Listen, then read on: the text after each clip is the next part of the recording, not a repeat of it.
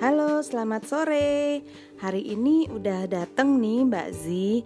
Mbak Zi mau cerita tentang kegiatan di sekolah hari ini. Hari main ini di sentra main di sentra? Sentra peran apa? main di sentra peran Main di sentra peran. Ngapain aja tuh kalau di sentra peran Mbak Zizi? jadi mama Ah, jadi mama. Terus kalau jadi mama ngapain aja tuh? Telepon telepon temen mama telepon telepon temennya telepon telepon temen kalau ada temennya yang nelpon mbak Zia ngangkat Emang kerjaan mama cuma nelpon-nelpon aja? soalnya belajarnya tentang HP Oh, belajarnya tentang HP.